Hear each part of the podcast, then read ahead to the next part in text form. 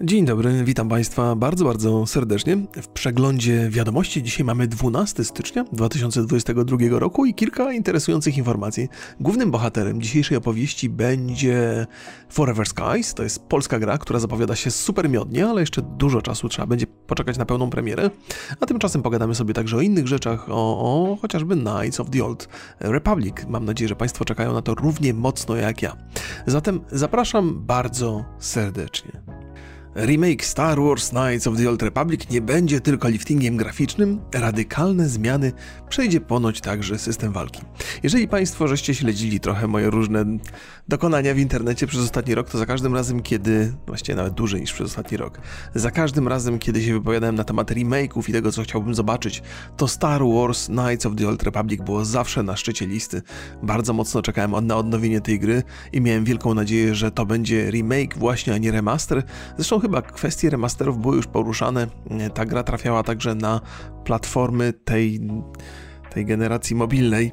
W sensie na tablety i na, na telefony chyba można było pograć, więc tam już trochę były jakieś, jakieś upgrade'y graficzne delikatne, ale i tak bardzo mocno czekałem na remake'a i cieszą mnie zmiany, które, które zostaną do tej gry wprowadzone, bo e, mimo tego, że bardzo dobrze wspominam e, Star Warsy, te konkretne, to jednak wiem, że pamięć bywa zawodna, zawodna i kiedyś to wszelkie braki w grze były wynagradzane przez wyobraźnię. A ja zawsze wyobraźni miałem bardzo dużo.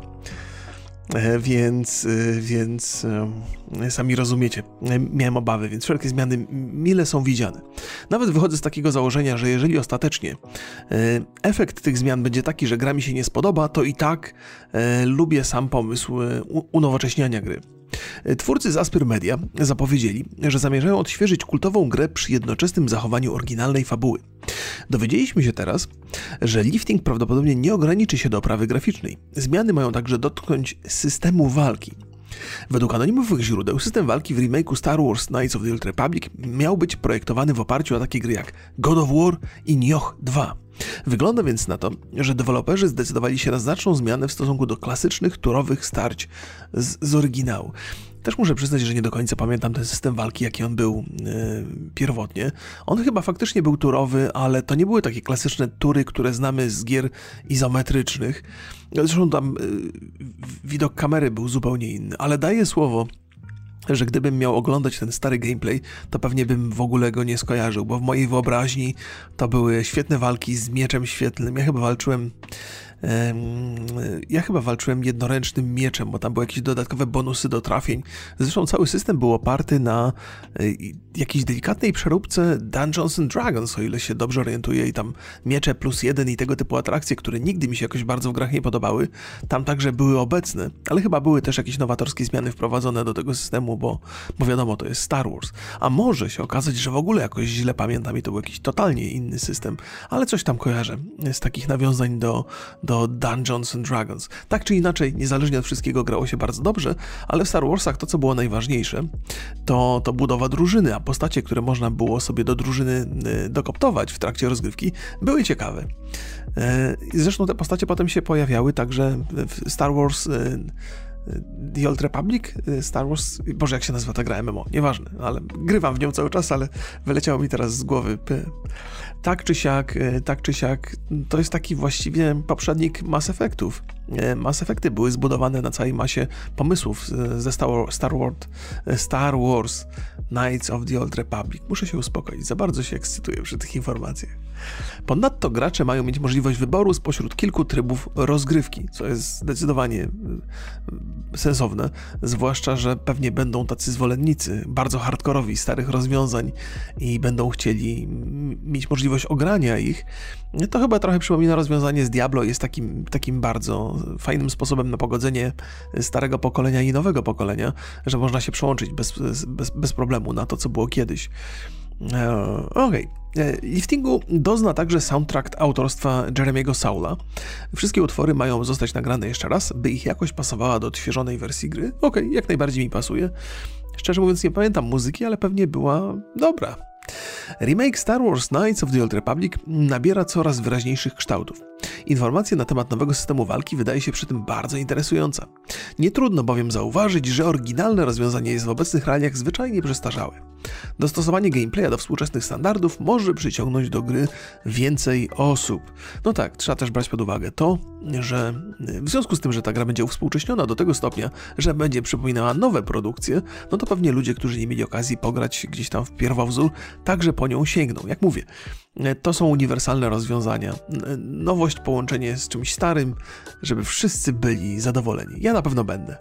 Ja właściwie, nawet gdyby mi się miało to gameplayowo nie spodobać ostatecznie, to i tak jestem zadowolony, że się wraca do tych, do tych starych rzeczy. Ale podejrzewam, że będę się dobrze bawił. Czego Państwu również życzę. Czasami pojawiają się zapowiedzi takich gier, które idealnie zdają się wpisywać w moje potrzeby, ale wydaje mi się, że to wynika z prostej zależności, że to, co się dzieje w popkulturze, e, inspiruje nie tylko nas, graczy, ale także twórców gier. I chyba nie inaczej jest e, z Forever Sky. E, Forever Skies. Polskie studio Far From Home zapowiedziało swoją debiutancką grę Forever Skies, pierwszoosobowy survival osadzony w postapokaliptycznym świecie. Produkcja przypomina nieco Subnautikę, a w zespole deweloperskim znajdziemy m.in. twórców Dying Light. Nie, nie, tylko Dying Light, to są ludzie doświadczeni niezwykle, chociaż studio wielkie nie jest, ale myślę sobie, że po, powinni spokojnie podołać ze zrobieniem takiego survivalu. E, informacji jest sporo, więc przejdę, przejdę do ich przytaczania. Gracz wcieli się w niej w naukowca, powracającego na Ziemię setki lat po katastrofie ekologicznej. Co ciekawe, nie jest to pierwsza zapowiedź tej gry. W 2020 roku funkcjonowała ona jednak pod tytułem Project Oxygen. E, na skutek katastrofy ludzkość została wyparta z ekosystemu ziemskiego, jedynie kilku niedobitkom udało się uciec w kosmos, a cały glob został pokryty warstwą toksycznego pyłu, spod której e, wystają tylko najwyższe budynki. Bohater nie przybył tu jednak w charakterze turysty. Ocali cierp ocalali cierpią bowiem na tajemniczą chorobę. Jedynym remedium na tę sytuację są znajdujące się pod grubą warstwą pyłu szczepy wirusów, które po dogłębnym zbadaniu pozwolą zrozumieć zagadkową przypadłość. Tytuł ma trafić do wczesnego dostępu jeszcze w tym roku, do czego się nie spieszę, pewnie rzucę okiem, ale ja nie lubię tych wczesnych dostępów. Znaczy, jakby z jednej strony lubię, lubię, bo deweloperzy mogą spod sprzedać w miarę uczciwie jeszcze nie gotowy produkt i przy okazji trochę potestować go także w towarzystwie innych graczy, więc to są same plusy, ale to jest zawsze taki moment, kiedy ja strasznie cierpię, bo chciałbym pograć w taką grę, a nie chcę sobie psuć e, e, rozgrywki za bardzo. Na starcie zaoferuje wyłącznie tryb dla pojedynczego gracza, jednak w planach jest również kooperacja dla czterech osób, która zostanie zaimplementowana w późniejszym terminie. Premiera wersji 1.0 i tym samym wyjścia z wczesnej fazy dostępu powinna nastąpić w 2023 roku. Także dużo, dużo jeszcze, jeszcze, jeszcze przed nami. Wiele wskazuje na to, że większość czasu w Forever Skies spędzimy na eksploracji ruin. Pomoże nam w tym zaawansowany technologicznie sterowiec, będący jednocześnie naszą bazą wypadową. Na jego pokładzie znajduje się m.in. laboratorium badawcze, warsztat, szklarnia oraz pomieszczenie mieszkalne.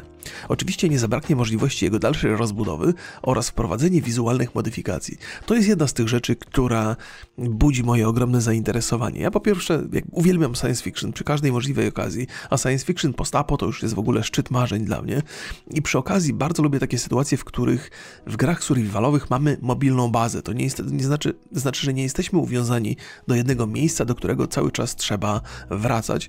Poza tym bardzo mi się podoba to modułowe budowanie, które jest takie charakterystyczne e, dla subnautiki. Wiele survivali mm, oferuje budowanie kawałek po kawałku, podłoga, ściana, sufit i tak dalej. W Falloutie 76 to jest także i też jest takie karkołomne bardzo mocno, ponieważ trzeba wtedy wpasować w budynki, w otoczenie, a nie zawsze się to udaje. I z reguły wygląda to szkaradnie. Jak mamy takie modułowe, segmentowe budowanie jak w Subnautice, to te konstrukcje z reguły są całkiem sympatyczne, także wizualnie. Więc to jest, to jest jedna z rzeczy, która mnie cieszy, czyli dostajemy już jakieś takie fragmenty konstrukcji. Tutaj też na trailerze to jest, to jest widoczne, ale to, że możemy się przemieszczać przy użyciu tego sterowca i że nie jesteśmy uwiązani i nie ma konieczności powrotu cały czas do tej samej bazy, którą żeśmy sobie gdzieś tam kiedyś wybudowali, jest czymś, co mi się bardzo, bardzo, bardzo podoba. Ja wiele razy e, pytany o to, w jakiej grze, jaką grę chciałbym zobaczyć, to bardzo często e, wracam do Mass Effecta, wracam do Star Wars Knights of the Old Republic właśnie dlatego, że naszą bazą wypadową był statek kosmiczny i on był, on był mobilny, on był ruchomy, nie byliśmy uwiązani i to jest coś, co, co mi się super podoba i przy okazji też z, z całej gry z otwartym światem tworzy taką opowieść drogi, co jest, to jest z mojej perspektywy takie bardzo romantyczne, że sam, sam fakt przemieszczania się, poznawania nowych rejonów jest ciekawy. Jak na produkcję survivalową przystało, kluczem do sukcesu pozyskiwanie, będzie pozyskiwanie zasobów oraz zaspokajanie potrzeb życiowych bohatera, przykład głodu. Zważywszy na ten, na ten pierwotny tytuł związany z tlenem, podejrzewam, że zapotrzebowanie na tlen także się pojawi. Mm, to chyba przypomina Ikarusa, ta, ta ostatnia nowa gra survivalowa. E, wraz z postępami stworzymy coraz to bardziej zaawansowane narzędzia oraz konstrukcje. Z kolei analiza znajdowanych przedmiotów i inżynieria wsteczna pozwolą na odtwarzanie zapomnianych technologii oraz opracowywanie nowych. Eksplorowanie kolejnych lokacji pozwoli nam również zrozumieć, co zaszło w ostatnich dniach ludzkości. W końcu będziemy jednak zmuszeni wkroczyć w mroczne odmęty toksycznego pyłu. Natura nie pozostawała nam, e, pozostawała tam próżna i zaczęła tworzyć swoje własne pokręcone kreacje. Te w większości będą do nas wrogo nastawione. Jest w tym coś takiego, e, jakby nie tylko ta modułowa struktura, ale sam, sam system poznawania świata trochę przypomina Subnautikę. W przypadku Subnautiki schodzimy coraz głębiej. W przypadku, e, jak to? Project Skies, dobrze mówię? Wiesz, Forever Skies, Project Oxygen Forever Skies, schodzimy coraz niżej, coraz głębiej, e, bo z tego co widać na trailerze, to trochę tak badamy szczyty budynków, gdzieś tam to, co jest ponad tą toksyczną chmurą. Natomiast będzie można zejść coraz niżej, jeżeli opracujemy odpowiednią technologię. Widać także gołym okiem inspirację Subnautiką. Tak jest, to się zgadzam z panem redaktorem. Obecność osób pracujących nad rodzimym medium zwiastuje z kolei unikalny klimat produkcji i przyzwoitą warstwę fabularną. No, niekoniecznie gwarantuje, nie ma nigdy gwarancji na nic, ale należy podejrzewać, że twórcy, który, którzy robili w przeszłości jakieś takie klimatyczne produkcje, także będą chcieli tutaj ten, ten klimat nam zaoferować.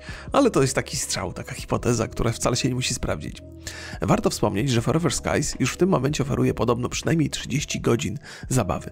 Mam nadzieję, że ta zabawa nie jest ograniczona tylko do, do, do takiego typowego survivalu, że przemieszczasz się z miejsca na miejsce i coś robisz. Mam nadzieję, że deweloperzy spróbują opowiedzieć tam historię, a zważywszy na studio i, i przeszłość osób, które są zaangażowane w produkcję tej gry, no mogą mieć ambicje na opowiedzenie tej historii.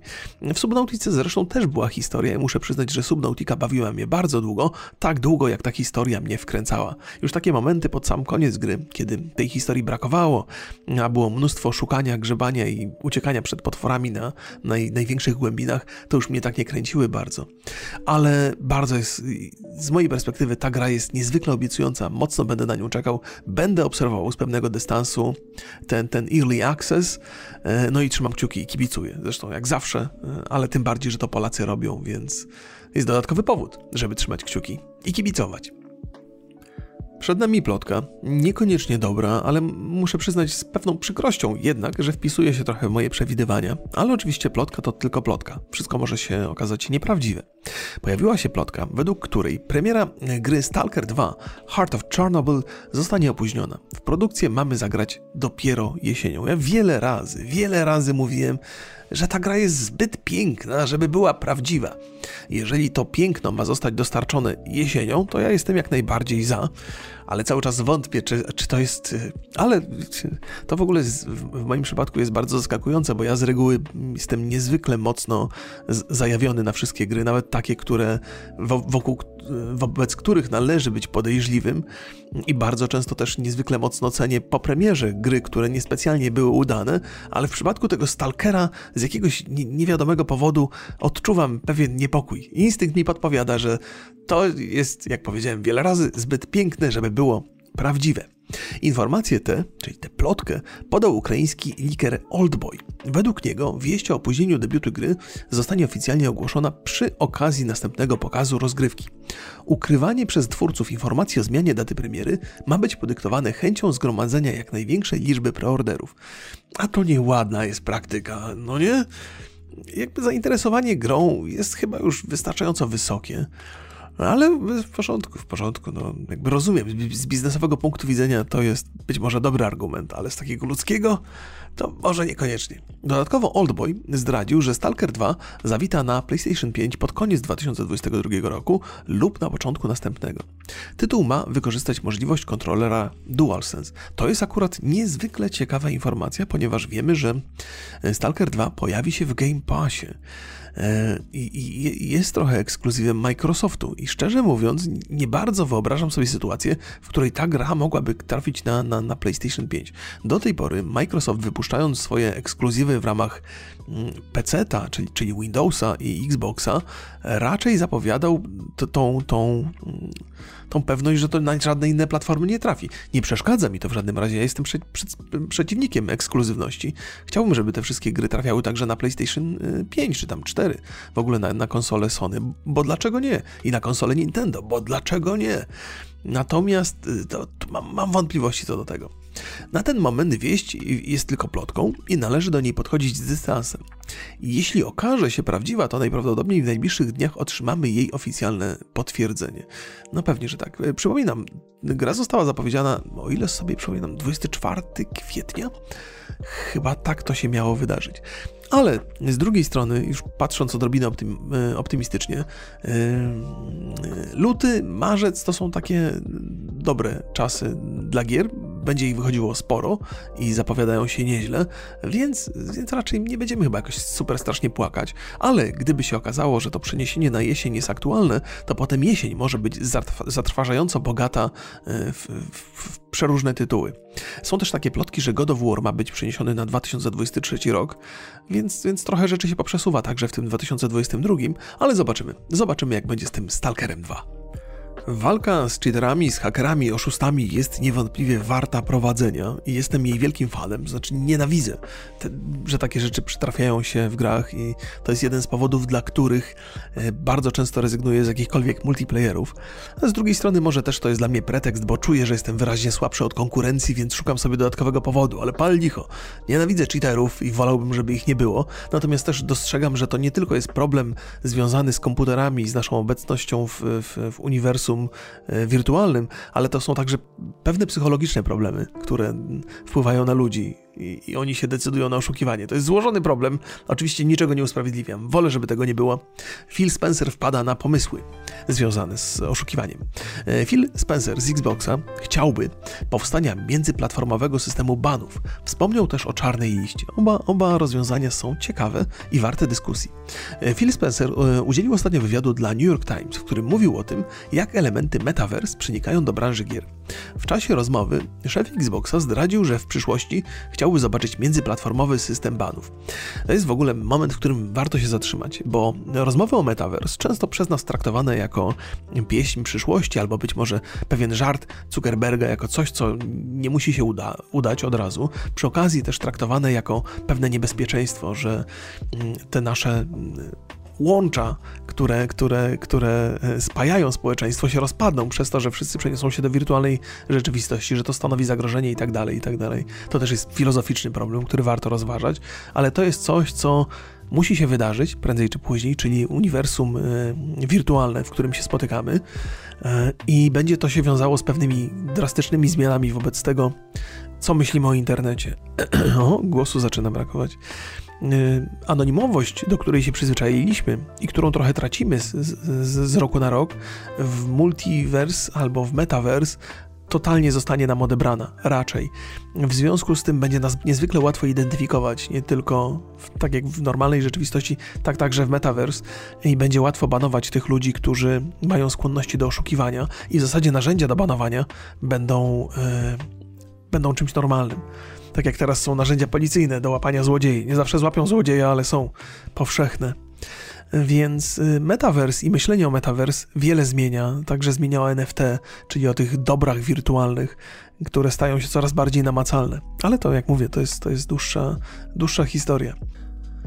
Założenie tego pomysłu jest dość proste. Jeśli osoba dostałaby bana w określonym miejscu, to obowiązywałby on również na innych platformach. Należy mieć jednak na uwadze, że byłoby to trudne do zrealizowania. Wymagałoby bowiem współpracy między wieloma firmami oferującymi własne usługi sieciowe. Ja myślę, że też toczy się dyskusja na temat surowości tego typu kary. Ja mam takie przeświadczenie, że jeżeli ktoś był cheaterem raz, to już będzie cheaterem wielokrotnie i będzie to powtarzał, ponieważ nie jest to problem związany z. To nie jest problem tymczasowy, to jest problem z charakterem danej osoby i jak wspomniałem, z pewnymi nie wiem, psychologicznymi problemami. Więc ta potrzeba nie wynika tylko i wyłącznie z tego, że jestem słabszy i chciałbym być silniejszy przez chwilę, tylko z, z potrzeby kontroli y, życia drugiej osoby, także w wirtualny sposób. To jest takie.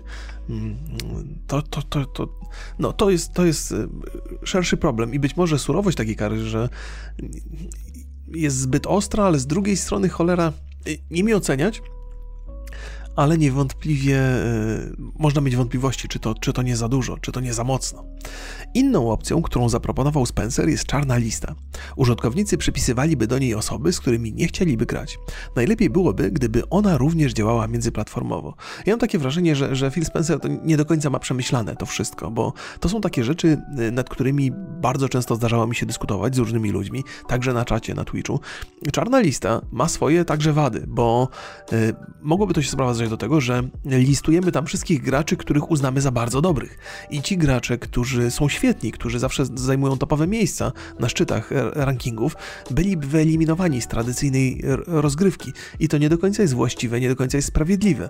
Bo ja oczywiście staram się być super e, sprawiedliwy, ale gdyby się okazało, że jestem nieustannie bity przez tych samych graczy, to bym ich pewnie dodał, bo to, bo to czarna lista nie do końca oznacza karę, ale oznacza wykluczenie tych osób z naszych gier. Gdyby ci ludzie byli dobrzy i grali dużo, to najprawdopodobniej wielokrotnie spotykaliby się z taką sytuacją, że byliby wykluczani i ostatecznie zostaliby zdyskwalifikowani y, z rozgrywek. Trudniej im byłoby znaleźć grę. To jest pomysł, który ma mnóstwo problemów. Plus jeszcze dodatkowo, jeżeli ktoś jest streamerem, to wiecie, że ludzie są złośliwi i mogą z czystej złośliwości dodawać go do tej czarnej listy i w rezultacie streamer też miałby przechlapany. Więc to jest pomysł, który na papierze wygląda całkiem sensownie, ale w rzeczywistości może mieć mnóstwo negatywnych konsekwencji. Dodatkowo Phil Spencer podkreślił, że Microsoft ciągle pracuje nad skuteczniejszymi, y, skuteczniejszym wyłapywaniem toksycznych graci, graczy w sieci Xbox Live. I to jest oczywiście też bardzo, bardzo znaczące, ale zaczynam sobie myśleć o tych wszystkich kwestiach jako coś, co jest pewnym. E, pewną normą w grach, w tych światach wirtualnych, że czasami niektórzy ludzie są toksyczni i to jest coś, do czego musimy się przyzwyczaić, ponieważ jeżeli opracujemy narzędzia, by usuwać toksycznych ludzi, to potem może być pokusa, by wykorzystywać te narzędzia e, także do dyskwalifikowania ludzi, którzy mają jakieś ekstremalne poglądy, skrajne, a może już nie takie skrajne, może trochę odrobinę niepoprawne politycznie i tak dalej, i tak dalej. Więc te narzędzia opracowywane teoretycznie dla naszego bezpieczeństwa i, on, i one działają także w naszej rzeczywistości, jak i wirtualnej, mogą być bardzo często wykorzystywane w niewłaściwy sposób, bo po prostu ktoś mówi coś, albo myśli coś, albo zachowuje się tak, nam się nie do końca podoba. Wolelibyśmy, żeby go nie było i będziemy go dyskwalifikować, więc z tym trzeba bardzo, bardzo mocno uważać. Mam nadzieję, że Phil Spencer weźmie to pod uwagę prędzej czy później bo wydaje mi się, że to takie pomysły to są takie hura optymistyczne pomysły, ale one mogą mieć dużo, dużo negatywnych skutków.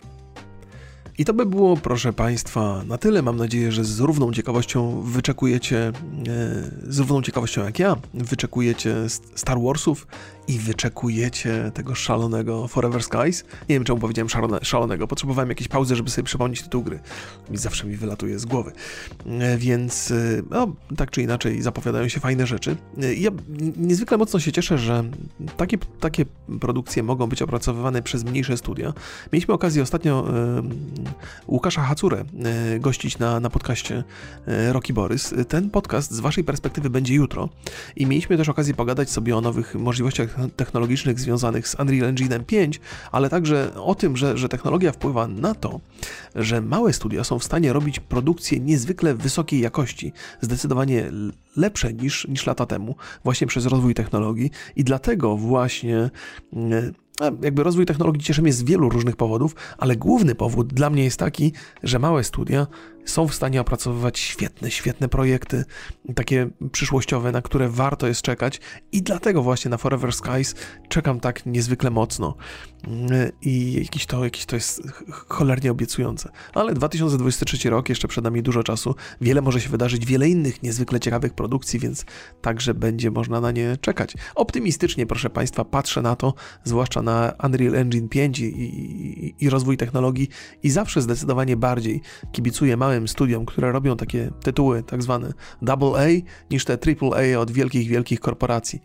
Więc y, to tyle na dzisiaj. Pozdrawiam bardzo serdecznie, dziękuję za uwagę. Do zobaczenia następnym razem. Trzymajcie się. Hej, hej.